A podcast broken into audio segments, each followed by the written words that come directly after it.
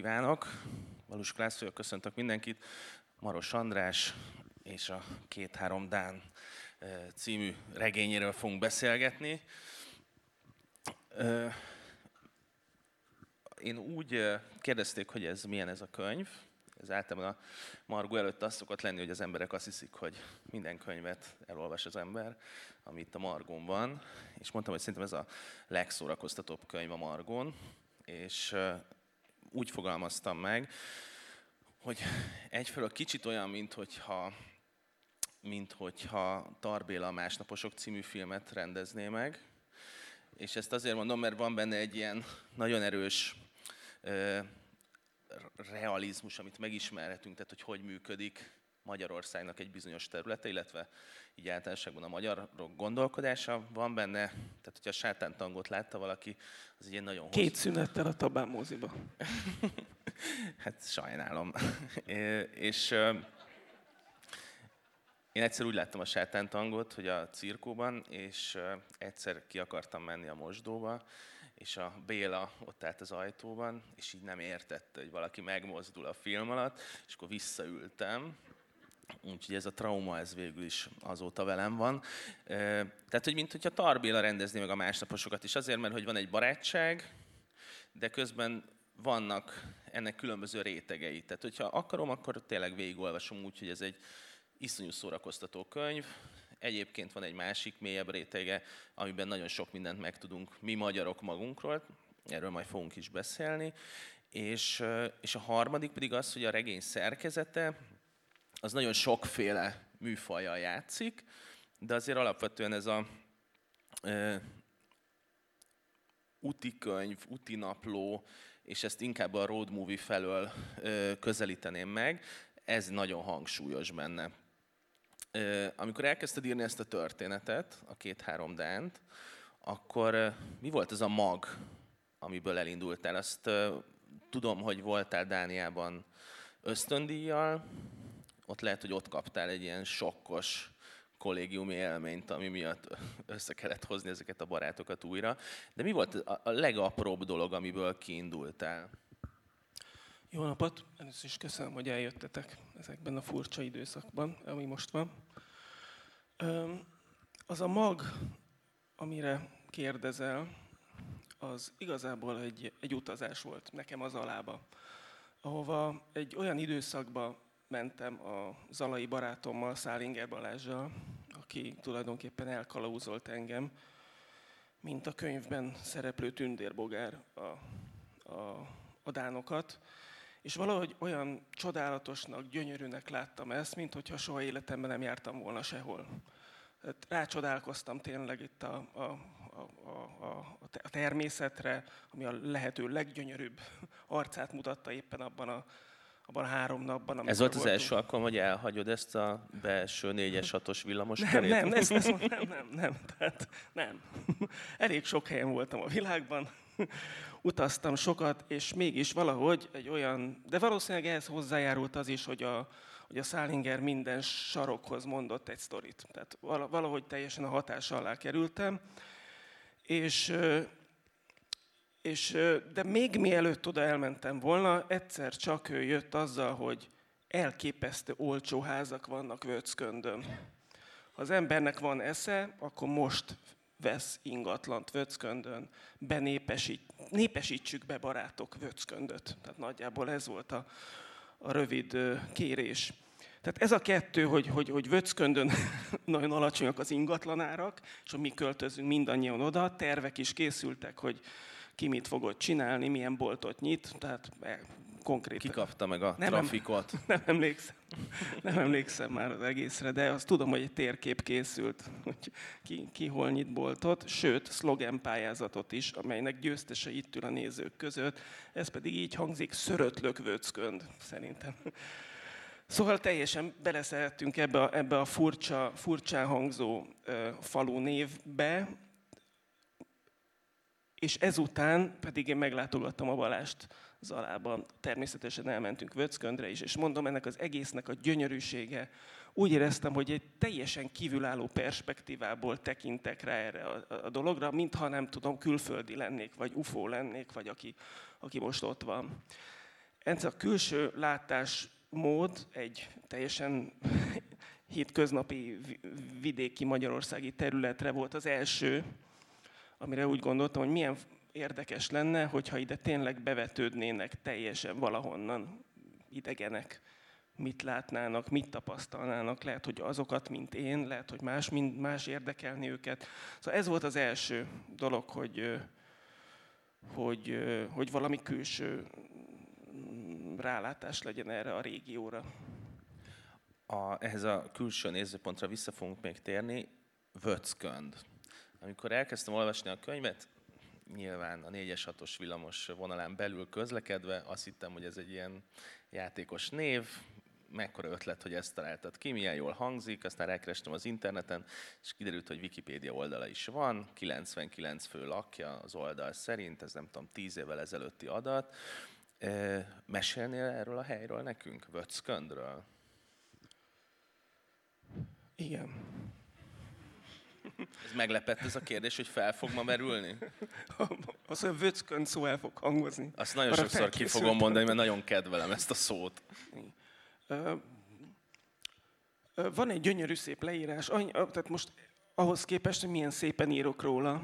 Akkor majd azt fogod felolvasni. Jó, jó? Rendben, És jó. akkor ezt a kérdést átugorjuk, csak jó, csináljuk azt, jó. hogy ebben a beszélgetésben többször nem hivatkozhatsz arra, hogy a könyvben jobban leírtad. Jó? Oké.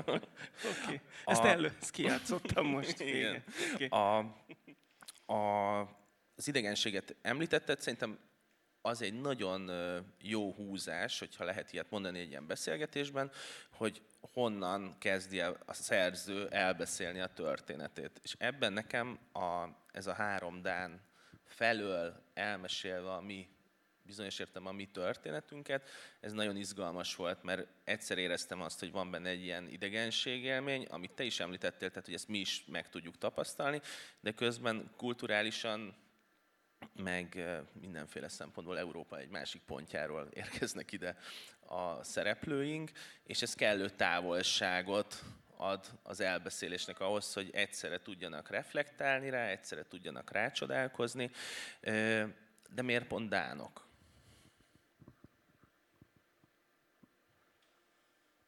Tök jó kérdés egyébként. Van egy a, könyved, a könyved egy csomó alapkérdés felvet, amire majd válaszolnod kell Igen, az interjúk hát. során. Ez az egyik. Tehát, hogy a... és, még csak, és még csak negyed öt. Jó. Igen. A, miért, miért pont Dánok? Van nekem egy picit ilyen skandináv imádatom, ilyen távolságból, mert tényleg csak Dániában voltam skandináv országok közül egy korábbi könyvemben is, mert ott, ott a svédekről írtam hosszasabban. Tehát e, ez, ez adott. De van ennek egy, egy sokkal, bocsánat, egy sokkal prózai boka, az hogy, az, hogy én ezt a könyvet megírjam, elengedhetetlen volt, hogy kiszakítsak valami időt az itthoni tevékenységemből, ami csak is valamilyen ösztöndíj révén valósítható meg. Az, hogy ebből egy ilyen nagy szövegtömeg keletkezzen, amit aztán persze főállás mellett lehet szerkezgetni, meg, meg szabdalni, csinosítani, de az alapvető szövegtömeg termeléshez valami elvonulásra van szükség. És mi, miután már kitaláltam ezt a perspektívát, hogy, hogy, legyenek, legyenek külföldiek a, a, a szereplők, a, akik ide érkeznek, akkor, akkor pályáztam pár ösztöndíjra. Volt, volt címe egyszer két-három belga, de ez tényleg egy brüsszeli ösztöndíjra. Van, van ez a legenda, a magyar filmesekről van ez a legenda, amikor filmfesztiválokra készítenek filmeket, és amikor leadják a pályázatban, akkor tudod, hogy ez melyik, hogy ez Berlinbe, Kámba tervezik majd három év múlva, de akkor ez úgy látom, hogy ez egy életpálya modell is lehet. De, nem, ez nem, tehát csak két-három belga volt, de ezt is nagyon, nagyon szégyenkezve vallom be. A két-három Dán volt a fő fókusz, mert megkaptam az ösztöndíjat elég hamar. Úgyhogy elmentem Viborgba, és ott volt egy, egy, egy, egy öt hetem, ahol, ahol tudtam dolgozni, de mellesleg csak az könyv első fele készült el ott. Ott jött egy 5-6 éves leállás a dologgal. És um, abban az 5-6 évben a főállásod mellett akkor azt az első részt szerkezgetted, és nézted, hogy merre tovább? Nem. Nem, akkor próbáltad a Szálingert izé kibekkelni, hogy mégse költözetek le Vöckönre rögtön. Az, az elég gyorsan eldőlt, igen. Összevesztünk, hogy kié legyen a trafik, ugye. Nem. A, az 5-6 év alatt hát teljesen elvitt más fókusz. Amikor hazajöttem Dániából, akkor rögtön egy egy filmforgatókönyv projektbe csöppentem bele, az elhúzódott másfél évig, aztán főállásom volt, aztán megint szabadúszóként valami egészen másba kellett fognom, úgyhogy ez el, elhúzódott, és, és két állás közötti szünetben sikerült a második felét megírni. Nem volt könnyű, tehát nem volt könnyű, mert azt éreztem, és tök jó lenne, ha ezt csak én érezném, és nem az olvasók, hogy egy picit, egy, egy, egy picit van egy ilyen, hát nem, nem is tudom, én lassulásként fogalmaznám meg, tehát a könyv második fele az valamelyest lassul, de ennek az az oka, hogy, hogy egy picit szerintem másról kezdett el szólni, mint ami az első ilyen intenció volt még. Nem tudom, ez 2013-ról beszélünk. 2013-ban voltam a Szálingerrel Vöcköndön, és 2014-ben voltam uh, Viborban. Uh, tehát én látom, én, én pontosan látom, hogy meddig volt ott megírva, az olvasó nem fogja. Pont. A könyvben Magnus, Mikkel és Soren a három barát, akik közösen béreltek albérletet az egyetemi években, szétszakadtak ahány felé, és nekem ez a könyv, ez alapvetően a barátságról szól. Tehát, hogy ez, amit eddig felvezettünk Zaláról, meg a Dánokról, az, az egy iszonyú izgalmas díszlete annak, hogy ezt a barátságot, ezt el lehessen mesélni. Egyáltalán azt, hogy 30 pluszosan mit jelent az a barátság, amit egyszer visszatekintve megéltél. Nekem ez, ez a személyes része, nekem ez azért fontos, mert a, a barátaimmal van egy ugyanilyen tematika folyamatosan. Tehát a, nem tudom, a Reis Gábor nekem gyerekkori jó barátom, és megcsinálja a rossz verseket, meg a van valamit, és azok mindig így érintik a baráti témákat is. És, és nagyon érdekes, hogy, hogy hát nem azt mondom, hogy gyakran, de azért viszonylag sokszor beszélünk arról, hogy mi is ez a, ez a fura barátság, és nagyon ö, hasonló ö, kémiák, meg problémák merülnek fel könyvtől függetlenül ez a 30 pluszosan a barátság kérdése, ez téged elkezdett foglalkoztatni, vagy ez csak a dramaturgia miatt kellett behozni? Elkezdett foglalkoztatni. 40 pluszosan, hogy mi a 30 pluszos barátság.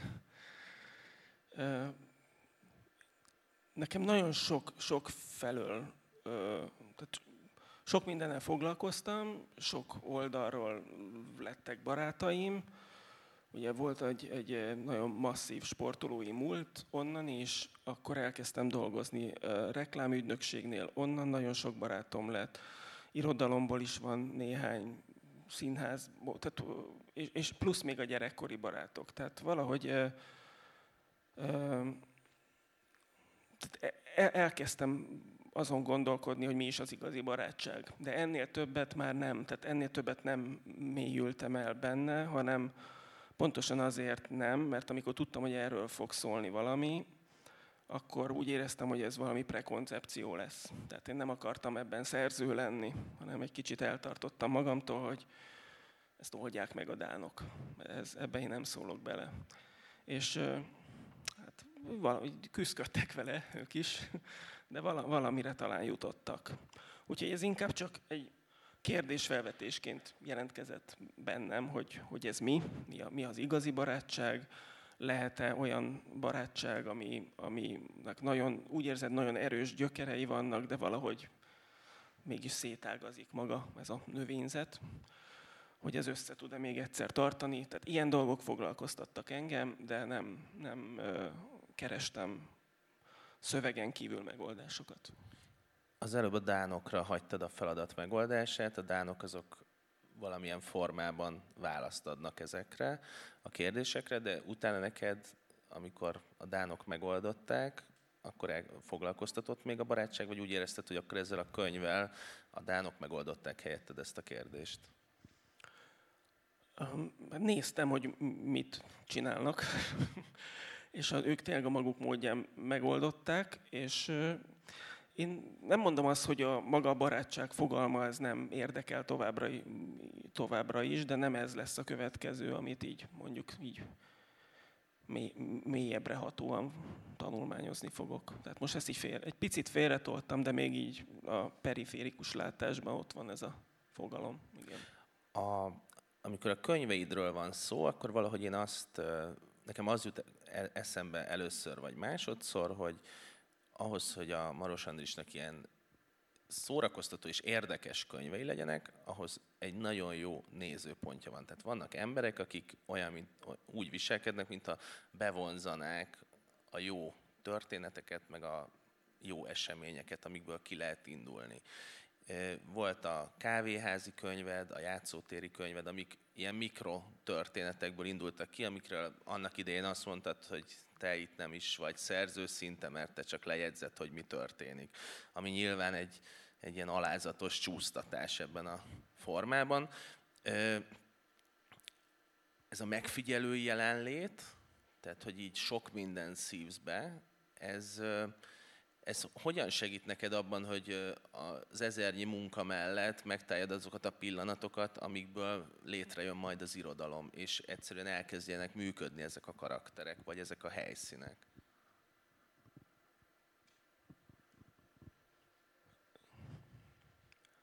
Szerintem ez, te, nekem valahogy ez a műfajtól függ. Tehát a, a pont a kávéházi, meg a, a játszótéri könyveket én egyáltalán nem terveztem. Tehát pont a kávéházival indult úgy, hogy, hogy pont egy kávéházban dolgoztam, írt, írtam éppen, amit írtam, és egy olyan eseménynek voltam szem- és fültanúja, amire telj, tehát teljesen abszurd volt, egyáltalán nem számítottam rá, és az volt egy ilyen startpont arra, hogy akkor egy, lehet, hogy egy picit jobban oda kéne figyelni erre a közegre. Úgyhogy ez mondjuk úgy, hogy, hogy ez egyszer csak úgy létrejött ez a gyűjtemény és aztán nem terveztem folytatását. Ugyanezt történt, hogy a kisebbik lányommal elkezdtem játszótérre járni, és hát ott, ott történt az az esemény, hogy betoppant a nagymama a játszótérre, lecsúszott az unoka, fölemelte, hogy mennyire örülök, hogy rég láttalak, de nem az az unoka volt, és, ö, hanem valaki másé. És ez is egy olyan pillanat volt, hogy hát akkor itt, itt, itt elképesztő dolgok fognak történni, és akkor tényleg történtek is.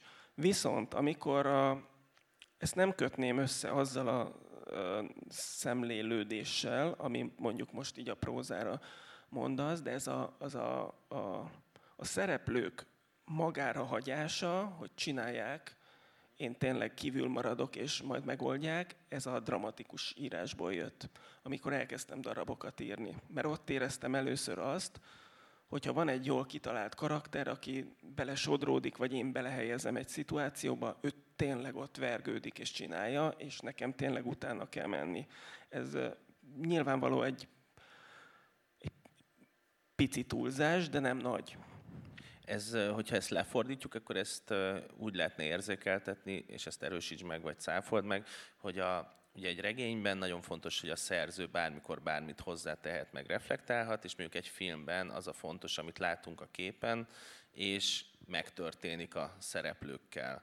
És ott, ott kevésbé játszik szerepet az, hogy az elbeszélő egyébként mit tesz hozzá, mit vesz. Tehát akkor erre, erre gondolsz, hogy te ezt meg tudod teremteni az írásnál, hogy ezek a szereplők elindulnak vöcköndre, és akkor te mész utánuk meg tudom teremteni, de óriási nagy a csábítás, hogy közbeugassak, és néha közbe is szoktam. Tehát amikor vannak ilyen lelassulások, és, és valahogy a karakterépítésben egy picit jobban el kell mélyülni bennük, akkor, azért, akkor belecsalok én is persze, masszívan. Meg vannak olyan pillanatok, amikor egyszerűen a, a szöveg kéri azt, hogy, hogy valahogy vagy dúsuljon, vagy, vagy kurtítsam, de olyan módon, hogy az már, az már tényleg szerzőiség. Tehát ott nyilvánvalóan nem lehet úgy mondjuk, mint egy, mint egy drámában, ahol, ahol, ahol ez sokkal, sokkal kötöttebb. Most kérnének meg, hogy a vöcköndös szöveget hát, ö, olvast meg. fel. Jó, de most közben meg megjött a kedve, hogy beszéljek róla. Na hát, Vöckön, tehát gyönyörű. Tehát egész... És tényleg elkezdesz beszélni róla, ez hihetetlen. Fej, Nézd, hogy jól, jól mondom. Nem, tényleg, tényleg Vöckön gyönyörű, nagyon-nagyon szép egy ilyen kis teraszon helyezkedik el. A zavarba is jönnek a dánok, hogy ez most melyik terasz, mert van vele szemben egy másik. Na, de megkeresem.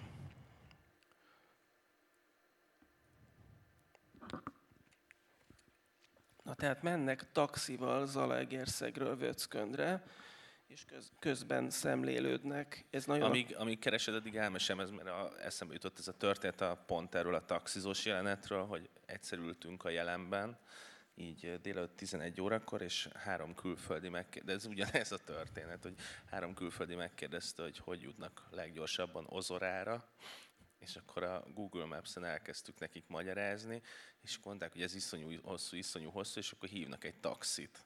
És akkor az lett, hogy egy fél órával később, amikor már tényleg 11.30 tök részegek lettek, akkor megérkezett a taxi, és mondták neki, hogy akkor Ozorára kell menni, és a taxis először nem hitte el, hogy lesz egy ilyen útja. És mondta, hogy hát nem akarja megcsinálni, de hát visszafele is kifizetjük. És akkor így elindultak. Meg lehet, de én is mondok egy történetet. Van egy barátom, aki egy teniszversenyen volt Belgrádban, kikapott, és el kellett indulnia, de lekéste a vonatot. Belgrádba leintett egy taxit, beült, és azt mondta, hogy Fenyő utca Budapest. Nem értette először a taxis, majd hazament az útlevelér, közölte a feleségével, hogy kicsit későn jön ma haza, és elindult Budapestre, hazahozta, szintén kivizette visszafelé, egy nyelvet se tudott, és a vissz, amikor mentek, akkor a Soténnél, a, a Nagyvárad téren a hatalmas magas épületnél annyit mondott a srác, hogy ugye, hogy majd itt kell majd jobbra kanyarodni. Memory. e kép bocsátotta útjára. Na, megvan. Na, az történik, hogy Zalegerszegről taxival megy a három Dán Vöcköndre. Ez az egész, hogy menjenek Vöcköndre, ez az egyikük ötlete volt, a másik kettő nem támogatta, ők a budapesti romkocsmázással teljesen jól ellettek volna. Tehát van egy ilyen furcsa hangulat ebben a taxiban, ahol egyébként a taxis élete fuvarját fogta ki, mert euróban fognak fizetni. Vöckönd. Egy meredek domb oldalába épített zárt fekvési falu. A helységtábla alatt felirat húzódott meg, ennek jelentőségére EU zászló hívta fel a dánok figyelmét. Ám a hátsó ülésen utazókat cseppet sem vidította fel, hogy Vöckönd be van kötve az európai networkbe, Sejtéseik szerint az előlülő Magnuszt sem villanyozta fel a kék háttér előtt a 12 csillag. Ennek ellenére kevés esély volt rá, hogy Magnus észhez tér és belátja tévedését. Holott nyilván rájött, hogy marhaságot eszelt ki, a defektóta két lábát szorosan összezárva egyenes háttal feszített. Mikkel és Szören biztosan vette, hogy csalódása ellenére Magnus ragaszkodni fog hozzá, hogy kitöltsék a három napot Vöcköndön, le fogják aludni a két éjszakát, értékes időt rabolva el a teljes magyarországi nyaralásból. Mikkel sorra vette magában azt a négy budapesti nevezetességet, amit elmulaszt Vöckönt kárára. Halászbástya, parlament, Lánchíd, Hősök tere. A listát az apja bifláztatta be vele egy javaslat kíséretében, anélkül, hogy megnézted volna őket, fiam, haza se gyere. Ez félig vicc volt, félig nem. A Halászbástya Parlament Lánchíd, amikor Mikkel apja 1983-ban rövid látogatást tett Budapesten, mind a négyet megnézte. Elég, ha lecsücsülsz a Szépművészeti Múzeum lépcsőjére, mondta a fia elutazása előtt, saját emlékeitől meghatottan, és onnan a lépcsőről fél órán át bámulod a hősök terét, az önmagában feltölt és erőt ad. Ez nem a, ez nem a vöckönről szól, bocsánat. Ez korábban van. Nem olvashatok mást? Léci. Most úgy kérdezed, mint én egy ilyen büntetésből hívtalak volna meg a könyvbemutatódra. Léci, na. Olvashatsz más, Jó, persze. olvasok mást. Ez, ez nem az. Nem ismerem. Régen írtam, ebből látszik. Ráadásul azt el kell mondanom, hogy a Margó csapatában van egy nagyon kemény zalai lány, és gondolkoztunk azon, hogy kiültetjük őt is erre a beszélgetésre, és Jól, Zalából, jól döntöttetek, hogy nem. Zalából keresztkérdéseket fog feltenni neked. Telefonos segítséget kértem volna Szálinger Balástól.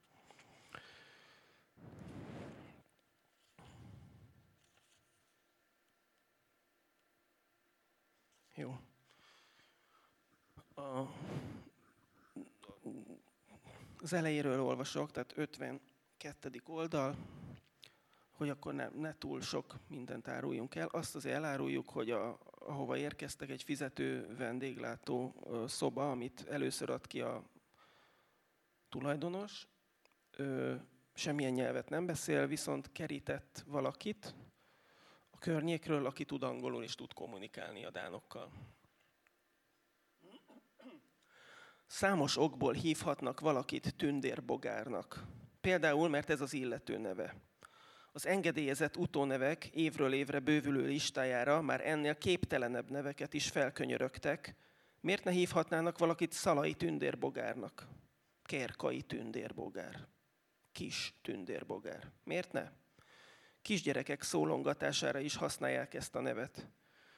Gyere vissza, tündérbogár!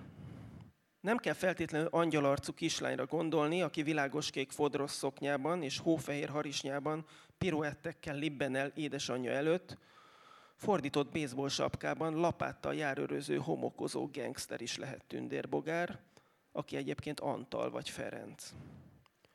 Tündérbogár jó lenne, ha nem csapkodnád a kislányka fejét. Ebben az esetben a tündérbogárság életkori állapot. Néhány év, és a gyerek kiöregszik belőle, észrevétlenül átsiklik a csillagomba, vagy a virágszálamba. Ezeket a neveket hosszabb ideig viselik, évekig, van, aki egy életen át. Menj, be, menj le a boltba, virágszálam, mondja a fürdőköntösbe bugyolált anyuka a kirepülést halogató 40-es fiának. Történetünk tündér bogara nem gyerek, hanem 33 éves férfi, akinek ha nem sikerül villámgyorsan jó ügyvédet kerítenie, jó eséllyel megy vissza oda, ahonnan nemrég jött, a börtönbe. Ezúttal csoportosan elkövetett súlyos testi sértéssel gyanúsítják, tárgyalás három hét múlva. A tündér bogár nevet az Egerszegi Teleki Blanka kollégium rezgő tokájú portásától kapta, megoszlanak a vélemények, hogy miért. Tündér bogár úgy emlékszik, hogy helyes kölyök képe miatt, mások szerint a kérdőre vonás szigorú hangsúlyával történt a névadás, Tündérbogár lassan visszahozhatnád a pingpongütőket. Bármilyen körülmények között kapta is, a kollégista haverok átvették a nevet, a szakközében is elterjedt, hamarosan az egész iskola tündérbogárnak szólította. Tündérbogár jól beszélt angolul, három évig egy angol házaspár két kislányára vigyázott Chichesterben, szabad napjaim bebeszögdösött a helyi főiskola előadásaira. Mindez jóval az első börtönbüntetése előtt történt, a szabadulása óta nem utazgathat. Pontban reggel kilenckor állított be fehér mikrobusszal. Tündérbogár? Tápászkodott fel a kempingszékből Mille bácsi, ő a vendéglátójuk a dánoknak, őszköndöm. A lakókocsi árnyékában hűsölt. Én volnék, kiáltott vissza az ismeretlen férfi. Mille elemérhez van szerencsém? Igen, felelte Mille elemér. A kerítéshez csoszogott, kinyitotta a kaput, megrázta a tündérbogár kezét. Csupa jót beszélnek magáról a környéken, mondta tündérbogár. Magáról is, mondta Mille bácsi. Hazudnak, mosolygott tündérbogár. Beszólok a dánoknak, ne. Szóljon, Mille úr. Mi az ott a képén? Hm, semmi különös. Tündérbogár mutató ujjával végig simított háromnapos borostáján, a jobb szeme alatti lila dudor alatt megállt az ujja. Hm, szepetken volt egy kis ez meg, az nem komoly. Ellátták a baját? Nekem Mille úr olyan nem szok lenni. Örülök, hogy szabadlábon van. Hm, reméljük így marad.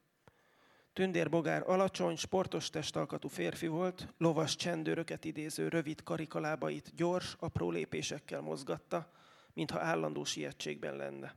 Izzadt, torzomborz haja úgy nézett ki, mint a zongora művészé, aki most csapta oda az egyórás Rachmaninov műzáró akkordját. A viharos, sötétbarna hajzat alatt azonban nyugodt szempár csillogott, és ez elegendő volt ahhoz, hogy bizalmat keltő legyen róla az özbenyomás. Világos kék, rövid pólót viselt, alkarján szőnyegszerűen terült el a vastag szőréteg. A sötét környezetből erősen kirít karórájának fényes, rozsdamentes acélszíja. Tündérbogár a farakást vizslatva megkérdezte. Miért fával fűt Mille úr? Mi az Istennel fűtsek? Most a magfúziós energia a menő. Mi? Semmi vicc volt. Hova viszi a gyerekeket? Délelőtt terepszemle, délután futballfiesta. Az jó. Alibán fára jön a bocfölde. Az jó. Igazi rangadó. Vigyázzon rájuk, nehogy elbolonduljanak. Résen leszek, Mille úr. Köszönjük szépen. A tündérbogára azt mondtad egy negyed órával ezelőtt, hogy egy kicsit te vagy az. Valami hasonlót mondtál.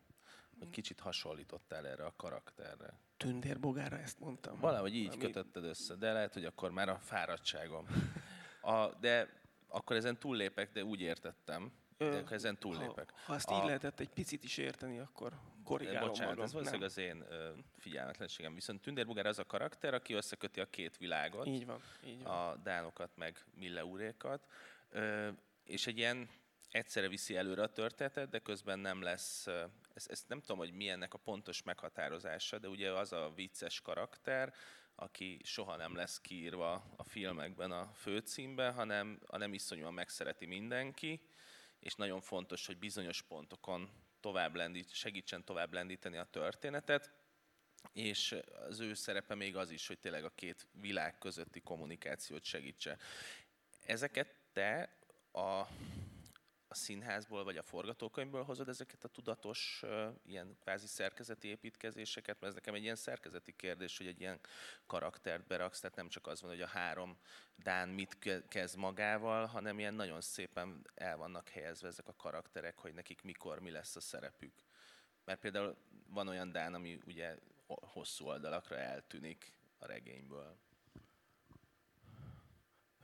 Lehet, hogy igen, nem, minden esetre nem ennyire tudatos, hogy ezt most mondtad, de valószínűleg igen, tehát hogy, hogy kell, kellett, kellett egy szereplő, azt, azt teljesen éreztem, hogy itt, az, az, hogy itt zöggenőmentesen tudjon haladni a történet, hogy nem minden pillanatban azzal a problémával szembesüljék, hogy itt a két világ egyáltalán nem érti meg egymást, mert abban körülbelül egy, úgy gondoltam, hogy ilyen öt oldalnyi anyag van, de aztán ez így nem, nem lesz se vicces, se érdekes, Úgyhogy mindenképpen kellett valaki bele, egy, egy, egy szereplő, aki, aki a két világ között van, és mind a kettőt érti, és tudja manipulálni.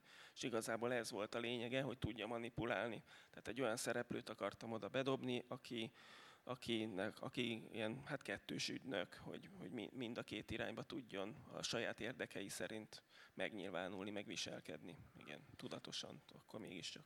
Ebben a játékos történetben felsejlik azért, hogy Magyarország hogy néz ki, meg milyen állapotban van. Tehát vannak utalások a foci meccses világra, vannak EU pályázatos említések, de még a, a, abból is kiderül, hogy mondjuk az egyik szereplőnek van egy, szexuális kapcsolata, tehát hogy sok mindenből érződik az, hogy mi milyenek vagyunk, és akkor ezt itt lehet, ekkor szokták mondani ezt, hogy ilyen görbetükröt tart a könyv.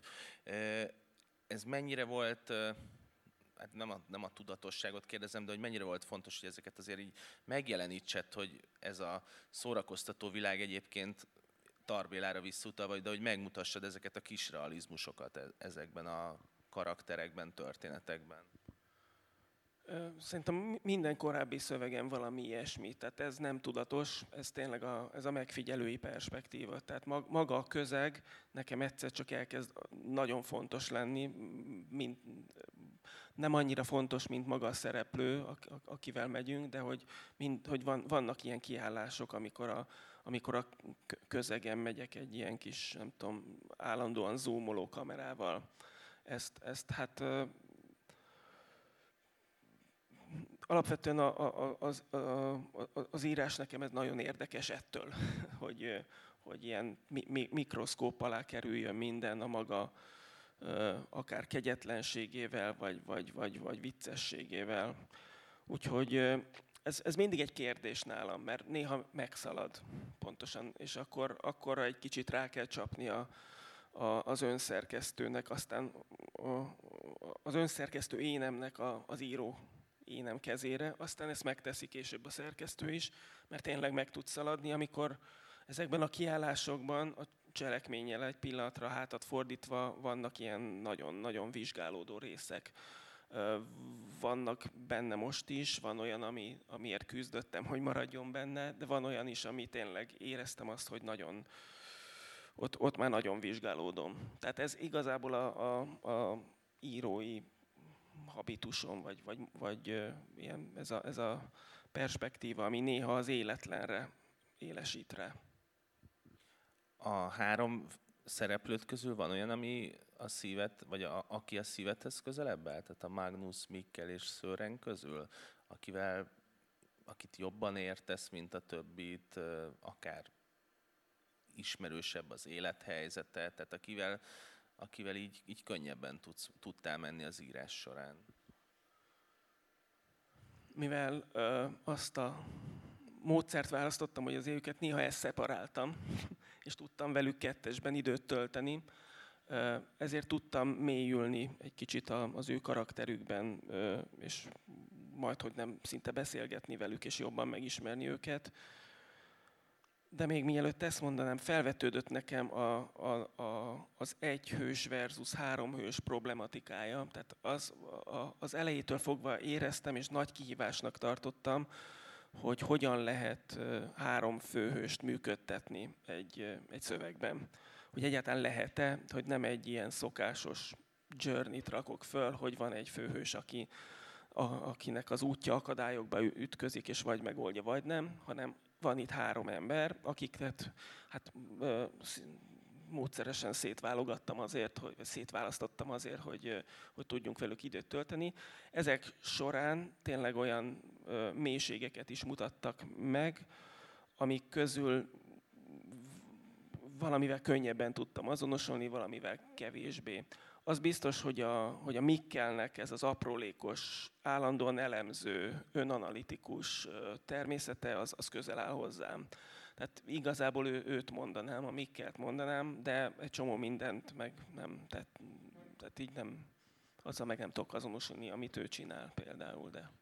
Nekem egyébként ez nagyon bejött, ez a szétválasztás. Tehát amikor az elején, most nem emlékszem pontosan, hogy hol van az a cezúra, amikor a, a kvázi második fejezetben Magnusszal maradunk, de, de addig megindul egy ilyen nagyon erős, a három testőr megérkezik Vöcköndre, és beleveti magát az életbe, és, és akkor láttam, hogy még nagyon sok van a könyvből, és próbáltam elképzelni, hogy még mennyi minden történt és szerencsére nem ez történt, hanem ö, ilyen ö, fentről a szerző belenyúl, és ezeket a szerzőket úgy, vagy a szereplőket, ezeket elrakja. Tehát Magnus például elmegy Budapestre, valakiről nem tudunk sokáig információt, most óvatosan fogalmazok a spoilerezés veszélye miatt, de, de ez nagyon izgalmas volt, hogy hagytál időt ezeknek. A szerkezetre akarok emiatt rákérdezni, kiírtam meg magamnak ezeket a fejezet címeket, mert nem csak, hogy a két-három dán egy különleges, és egyébként szerintem tök izgalmas cím,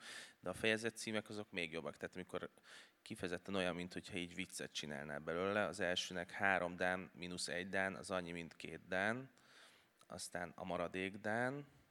Két dán helyett csak egy dán, pont, pont, pont, aztán mégis két dán. Utána egy dán, meg egy, még egy dán. Utóbbi dán nem a másik két dán közül az egyik dán. Úgyhogy itt van mindenféle ezt, tehát ez a szerkezet a fejedben, azt említetted, hogy sokáig nem nyúltál hozzá a könyvhöz, azt is említetted, hogy te érzel egy, egy olyan pontot, amikor... Egy fekvő rendőr, de most már lecsúszott. Az igen. Igen, de hogy ez a szerkezetben, ez, ez a szerkezeti építkezés, ahol eltüntett szereplőket, ami szerintem ilyen tök jó gesztus, meg valakivel vagyunk, ami még izgalmasabb. Ez, ez hogy kezdett el működni neked, akár papíron, amikor tervezted ezt? Talán úgy, nem nagyon terveztem, hanem a más, az, az első felé semmiképpen sem terveztem. Tehát am, amikor Dániában voltam négy hétig, akkor, akkor az időt néztem, az, hogy még van három hetem, még két hetem, még egy hetem, menni kell, menni kell, menni kell, mert ki tudja, mikor lesz egybe ennyi időm dolgozni.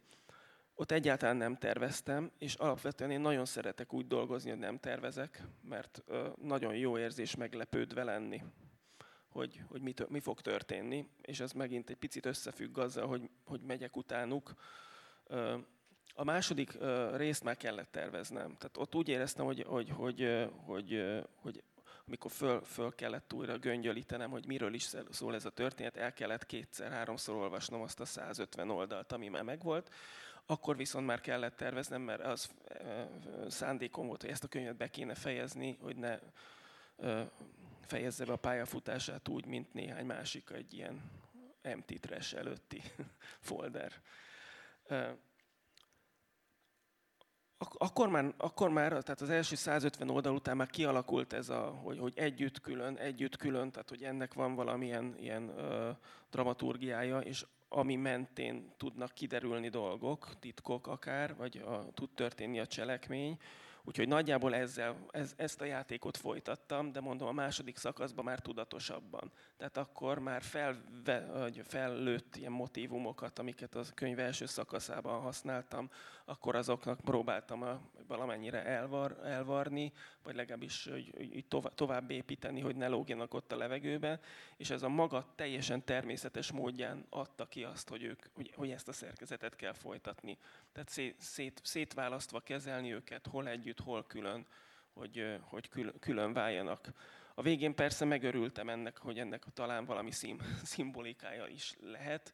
Tehát ez pontosan ez a, hogy a, barátság fogalmát feszegeti, hogy a barátság az valójában tényleg egy magányos dolog-e, ami egy definíció által jön létre, vagy pedig tényleg vagy pedig tényleg épül-e közös élményekből, tehát hogy hol, hol, hol vannak ezek a hangsúlyok. A Bán Zsófia írt egy eszét valamikor tavasszal, ezt nem emlékszem pontosan, ilyen április-május környékén az ésbe, aminek volt egy része, ez alapvetően arról szólt, hogy a, a nők mit tudnak olvasni az általános iskolában, és később milyen szerepmintákat kapnak. És ennek volt egy része, ami szerintem iszonyú izgalmas volt, és viszonylag kevés szó esik róla, az az, hogy a magyar irodalom úgy alakult, hogy vannak az úgynevezett komoly műfajok, amiket díjaznak, amiket elismer a kritika, amit ajnároznak, amit fordítanak és hasonló, és vannak azok a műfajok, meg hát inkább műfajok, amikkel így a magyar irodalom rohadt régóta nem tud mit kezdeni. Tehát van, tehát, és ilyen például ez a regény is ebbe a kategóriába tartozik. Én nagyon szurkolok neki, hogy tényleg megkapja azt az elismerést ettől a kánontól, vagy irodalmi szakmától, amit szerintem ez megérdemel. Neked szerzőként van egy ilyen ö, szélmalom harcod? Tehát, hogy, hogy mit lehet ebben a magyar irodalomban megtenni, mert jó történeteket írsz, jó stílusban írsz, ö, szeretik a könyveidet, és, és mégis a szórakoztató, tehát az, hogy szórakoztató a könyv, ami szerintem egy pozitív jelző, és ezzel most találkoztam az elmúlt napokban, hogy amikor azt mondtam, hogy ez egy szórakoztató könyv, és ezzel nem azt nem leértékelni akartam meg hasonlók, de hogy nekem ez mindig fura, hogy ezt így meg kell magyarázni az embereknek, hogy igen, vannak a nagy komoly könyvek, és az is egyfajta szórakozás, de hogy, de hogy ettől is kapsz mélységet, meg emberi történeteket, csak máshogy van elmesélve.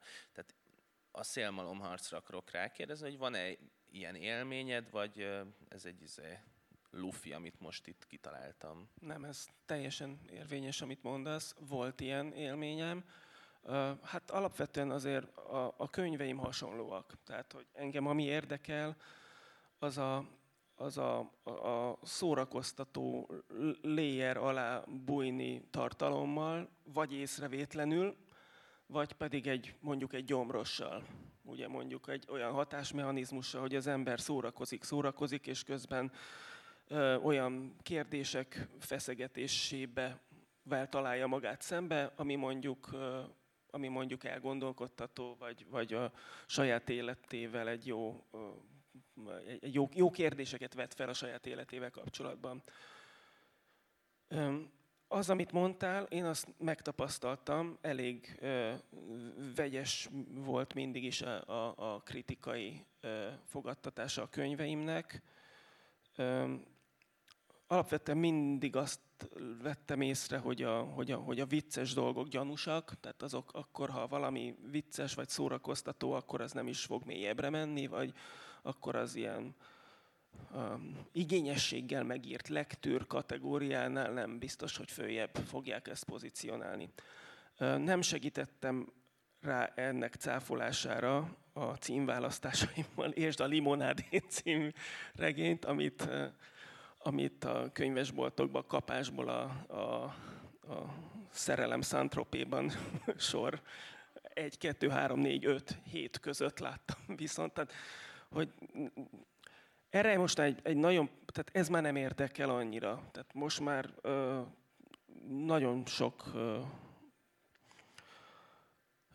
hosszú ideig zavart, és most is azt hazudnék, ha azt mondanám, hogy, hogy, hogy nem rökögyödöm meg bizonyos fogadtatáson, ami, ami azonnal keresi a megfelelő polcot, hogy ezt hova lehet rakni. Szerintem nincs, vagy, vagy legalábbis úgy gondolom, hogy, hogy nagyon nehéz, és valahogy ez a polcra helyezési kényszer, ez, ez nekem nagyon fura, mert én pontosan nem, ilyen jellegű műveket szeretek, tehát mondjuk filmben is. Tehát valaki most írta, hogy a, hogy, hogy, hogy mondjuk, az nagyon jól esett persze, hogy, hogy a, a Wes Anderson, Wes Anderson Nyugat-Magyarországon. Jó, ezzel ebbe így ezzel együtt lehet élni. Ebbe, ebbe így, egy picit hátra is tőlek most egy tíz fokot. Igen, tehát ezzel együtt lehet, de mondjuk a, a, a Wes Andersonnál is, ha megnézed a filmeket, nem, tehát nem találod pontosan azokat, a, hogy, hogy ez mi. Tehát, hogy a, egy, egy nagyon rövid kis kitérőt hadd tegyek így a műfai besorolhatóság tekintetében. Ezt így, ez felszokott merülni ez a kérdés, amit most feltettél, és erre van egy panel válaszom, amit most szintén elmondok, mert, mert elég tanulságos abból a szempontból, hogy, hogy az ember dönthet úgy, hogy ezzel, ez ellen megy, vagy pedig dönthet úgy, hogy csinálja tovább azt, amit szeret csinálni. Én a B verziót választottam. Az A verzióval kapcsolatban volt egy tapasztalatom, ami azóta a Semmi 40 című könyvemet, amitől nagyon nagy sikert vártam. Úgy gondoltam, hogy itt ez egy olyan magas koncepciójú könyv csúnyán lefordítva, hogy, hogy ez, ez több olvasó réteget tudna egyesíteni, és mindenki boldog lenne. És nem sokkal a magyar megjelenés után jelentkezett egy angol kiadó, hogy ezt kiadná, annyi volt benne, hogy a kitételük, hogy ezt az én rendkívül tréfásnak gondolt tenisz memoár besorolásomat, ezt felejtsem el, és definiáljuk regényként, és egy picit nyúljak bele, hogy a főhősnek legyen egy nagyobb íve, mert hogy a memoár az, az, az egy teljesen más polc. És akkor, mint mivel nagyon gyorsan a magyar megjelenés után jött ez a visszajelzés, biztos voltam benne, hogy ezek után akkor majd jön a többi ezért nagyon magabiztosan közöltem, hogy ez már pedig egy teniszmemoár, mert sokkal erősebb az, hogy mindez megtörtént, mintha megtörténhetett volna. Hát ez uh, 7 éve nincs hívás, csönd van. A... Amikor ezt olvastam egy interjúban ezt a történetet, akkor az volt a fejemben, hogy tehát ami, ami már ki van nyomtatva, az úgyis fikció én a helyetben elengedtem volna. Jó, nem voltál Visz... ott. Kicsit. Nem írtam meg ezt a könyvet, amiről, ami szóba kerülhetne, viszont az jó hír, hogy a világirodalom az autofikcióval felzárkózott ehhez, tehát lehet, hogy újra újra el kéne küldeni, hogy ma, na most, tehát a Kál Uvek Nőzgor megcsinálta, Igen. legyen ez jó nektek, hogy ott is mi a, mi a regény, mi az élet, azt majd eldönti az olvasó. Úgyhogy lehet, hogy akkor újra kell próbálkozni. lehet. Na mindegy, szóval én a, a, amellett döntöttem, hogy én nem, tehát a, nem fogom keresgélni, hogy most tehát egy, egy adott művön belül, és ez a, ez a műfai átjárhatóság, ez nekem nem, nem, nem fog akadályt állítani, hogy, hogy, ez, hogy, hogy, hogy ez ellen megyek. Egyébként volt egy olyan filmforgatókönyv, amit egyszer beadtam egy rendezővel, ott, ott az volt maga az ötlet, hogy van egy zsánerváltás egy olyan midpoint környékén. Megy a történet, ami egyébként hát így nagyon kényelmes nekem. Tehát megy egy vicces történet, ott van egy helyzet, és ott történik egy zsánerváltás, és belemegyünk egy dark krimibe. Ez mondjuk egy pont egy olyan jelenet volt, hogy egy apa ült a fiával a kocsiban, és mentek, mentek, mentek, és zajlott egy párbeszéd, és lehetett érezni, hogy akkor itt valami nem oké, és onnantól lett ez krimi, és hát azt a visszajelzést kaptuk, hogy ez egy nagyon-nagyon gondosan jól megírt történet, de hát ez két film. Tehát, hogy ez, hát ez, ez most el kéne dönteni, hogy akkor ez most egy komédia, vagy egy krimi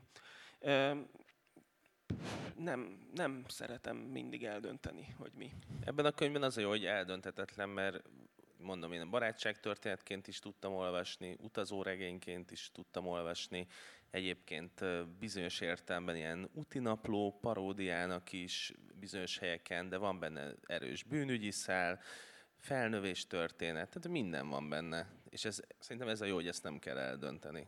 Uh, András, én nagyon köszönöm, hogy itt voltál a Margó Irodalmi Fesztiválon. Még azt akartam elmondani, hogy szeptemberben voltam egy szüreten Szentgyörgyhegyen, és pont akkor olvastam a könyvet, és abból a szüret után másnap elküldtem azt a részt, ami a szüretről szól a könyvedben, ennek a chat csoportnak, és annyira érzelmesen belelkesedett mindenki, hogy mi jövőre a szüretet egybekötjük egy Vöcköndi túrával, úgyhogy ezt, ezt már köszönjük neked. Le lehet és, állítani a eladást. És szurkolok, hogy szurkolok a könyvnek, hogy Nagyon menjen. Szépen köszönöm. Köszönöm, köszönöm szépen, szépen. Maros köszönöm, András. Két-három Dán. Azt még elárulhatjuk, hogy Maros András aláírt jó pár könyvet, amit a Bookline standon most meg lehet vásárolni, és én meg csak azt tudom mondani, hogy bátran margozzanak, margozzatok még a hátralévő másfél napban. Köszönöm szépen, köszönöm, köszönöm a figyelmet, viszontlátásra, sziasztok! thank you